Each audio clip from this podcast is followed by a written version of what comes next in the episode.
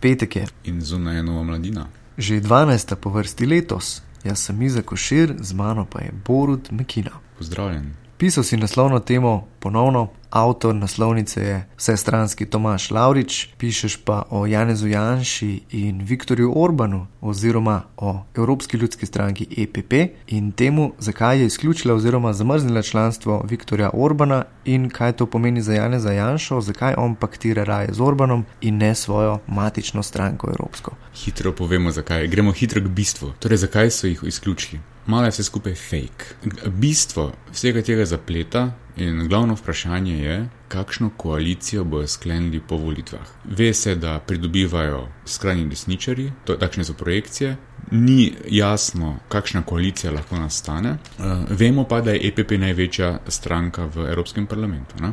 Njihova računica je zdaj v resnici takšna. Po volitvah ko se bo videlo, kakšni so rezultati, se bodo morali oni odločiti, ali bodo sklenili koalicijo z recimo socialdemokrati in liberalci, to so koalicije, ki so že doslej bile, ali pa bodo sklenili koalicijo z kakšnimi desničari. Teh strank je vse več v Evropskem parlamentu, Poljaki so, Salvinije in tako naprej.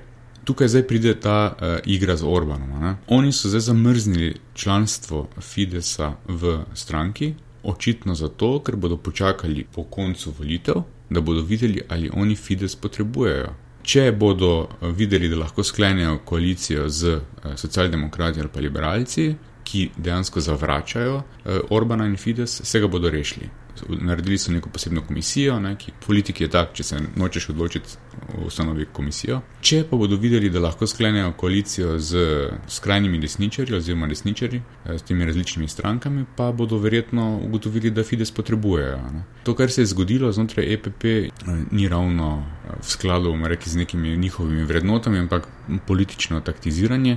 Bistveno pri vsej zadevi, če, če zdaj pogledamo za Evropo, pa je, da EPP kot najmočnejša, temu rečejo, politična družina v Evropi že devet let tolerira eh, Orbana, tolerira njegovo ukinjanje sodišč, medijev, eh, akademske svobode in tako naprej in mu dajo pridih legitimnosti.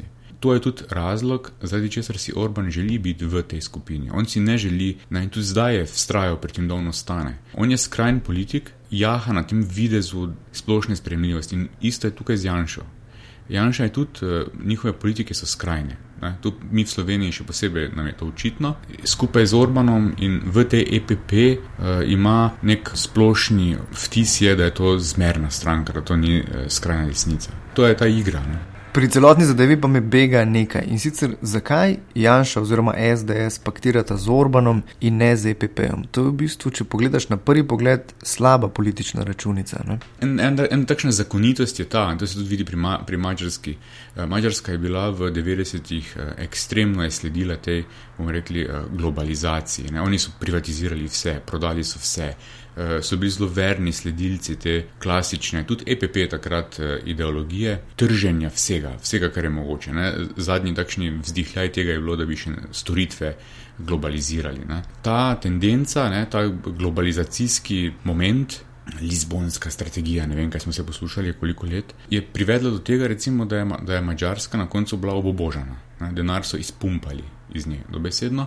Orban je včasih bil ne, del tega.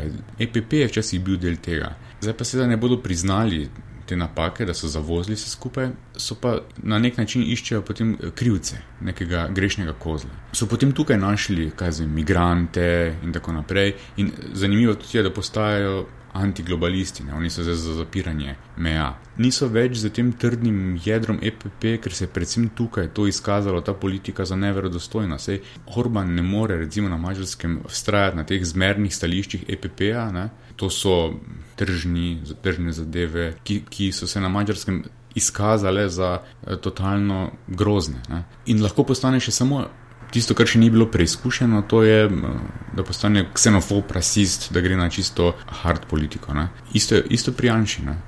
Da ne zdava vsega, preberite si več v novi številki mladine, Borut, povej, kaj nas še čaka. Glej, jaz bi tako rekel, ne, po našim poslušalcem, to, kar je v mladini, ne, to, kar lahko preberejo v mladini, tega ne bodo našli na Facebooku, Instagramu in Twitterju. To so vsebine, ki jih lahko dobite samo tukaj in tudi ne v delu večeru in dnevniku. Kaj še imamo noter? Imamo, uh, začnemo pri velikem intervjuju, ki je zelo zanimiv z slovenskim zgodovinarjem o odnosih z Italijo, nova študija. O čem, kaj, kako bi ti o tem, da nekateri italijanski politiki še vedno trdijo, da je Istra pravzaprav italijanska in da to postavlja nekakšen njihov politični statement. Ja, to je ta zgodba s tajanjem, ne, ki se nam že vleče. Potem imamo od starši napisal zelo dober članek o zdravljenju raka z konopljo, o mitih in o resnici. Potem imamo intervju z bombnim tehnikom, vedno zanimiva stvar. Bombe so vedno aktualne in pa reportažo shoda, vsi smo Greta, petkovega shoda, ki jo je napisala naša nova sodelovka, študentka Žana Erznožnik, naslov je pa Ni planeta B. Izkazala se je, moram reči. Več pa tudi na naši spletni strani trikrat dvojni ve, pika, mladina, pika, esi, ki jo tudi Borod Mekina redno obiskuje vsakih deset minut.